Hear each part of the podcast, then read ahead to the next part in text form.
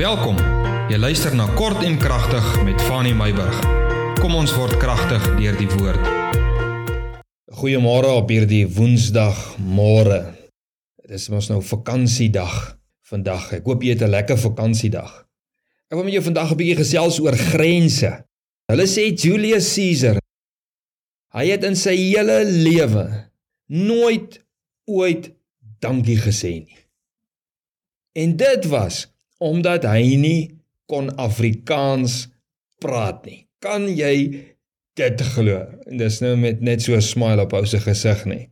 Jy weet, jy kan nie iets van iemand verwag wat hy nie ken of waarvan hy nie die kundigheid of blootstelling van het nie. Maar, hier's die groot maar.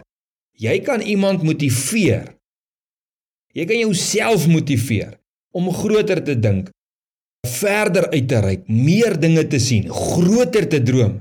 Ek sê altyd vir my kinders, moenie laat die grense van jou ouerhuis of die plaas of jou dorp of jou land of jou beperkte kennis in iets jou beperk nie. Dink en droom verder, groter, wyer. Bekwam jou waar moontlik is.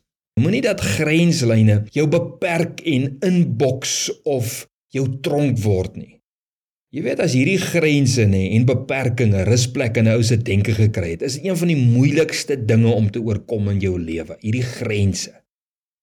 Ek wil nie graag my kinders of iemand los waar hulle is nie, maar eerder 'n persoon verder vat as wat hulle aan gewoond is.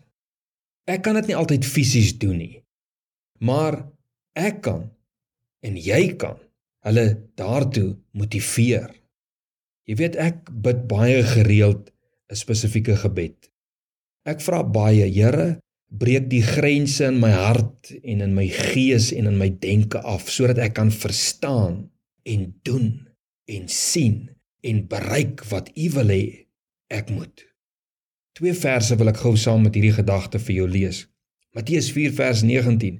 Jesus sê vir sy disippels net toe hy hulle gekry het: "Kom agter my aan en ek sal julle vissers van mense maak. Ek gaan nou daaroor gesels.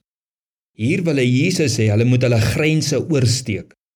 Hulle grense van ons is vissermanne. Ons is nie predikers nie, ons is nie sprekers nie. Ons kan nie met mense werk nie. Ons werk met bote, visse, nette. Johannes 1 vers 52 en hy sê vir hom, Jesus sê vir hom voorwaar voorwaar Ek sê vir julle, van nou af sal julle die hemel geopen sien en die engele van God opklim en neerdal op die seun van die mens. Die Here sê ek gaan julle iets wys wat julle nog nooit gesien het nie. Jesus vat ordinêre mense wat nie veel meer weet as goed soos visvang, net te vleg, boot bestuur, om getye te lees, nê, van die see en om seisoene te lees. Jesus vat hulle op 'n pad van denke verandering. Grense oorsteek. Jesus breek die grense in hulle denke af en gee aan hulle 'n visie. Jy weet Jesus gaan so ver. Jesus verander self sommige van hulle se name. Johannes 1:43. Onthou vir Petrus nê. Jesus het self sy naam verander. 'n Name wat hierdie ouens se werklike doel en roeping op aarde bevestig name wat grense afbreek. Nee, jy's nou Petrus, jy's rots. Ek weet Petrus was maar redelik 'n rowwe diamant soos 'n mens sê. Ek weet nie of hy gevloek het soos 'n matroos nie, nê. Maar die Here het sy horisonne so verbreed dat hy 'n prediker en wonderwerker geword het. Paulus was so ingeperk deur die wettiese orde. Hy het glad nie 'n wêreldvisie eers gehad nie. Hy het nie 'n wêreldvisie gehad toe hy daar saam met die fariseërs en die skrifgeleerdes gewerk het nie. Nee, sy grense was ook sy beperkte kennis van God en God se wil. Maar die Here verander sy grenslyne, sy beperkings vat God se gees weg. Die Here vat dit weg en dadelik leer Paulus meer. Hy sien meer, hy doen meer, hy beleef meer. Hoekom?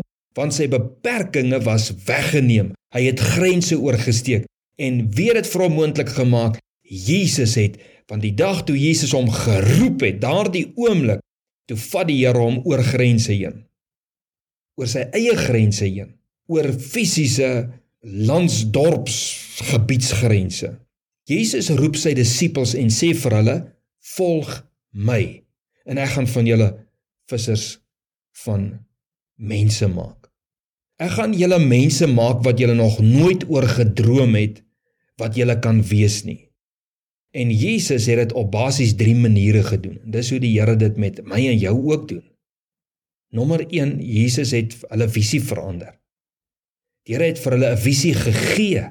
Toe hy manne roep, toe gee die Here vir hulle 'n visie. Die Here sê vir hulle, ek wil hê julle moet iets anders doen en ek sien dat julle iets anders kan doen. Here gee vir hulle visie. Hy sê, ek wil nie hê julle moet meer visse vang, ek wil hê julle moet mense vang. Die Here gee vir hulle visie. Die Here verander tweedens hulle denke deur lering.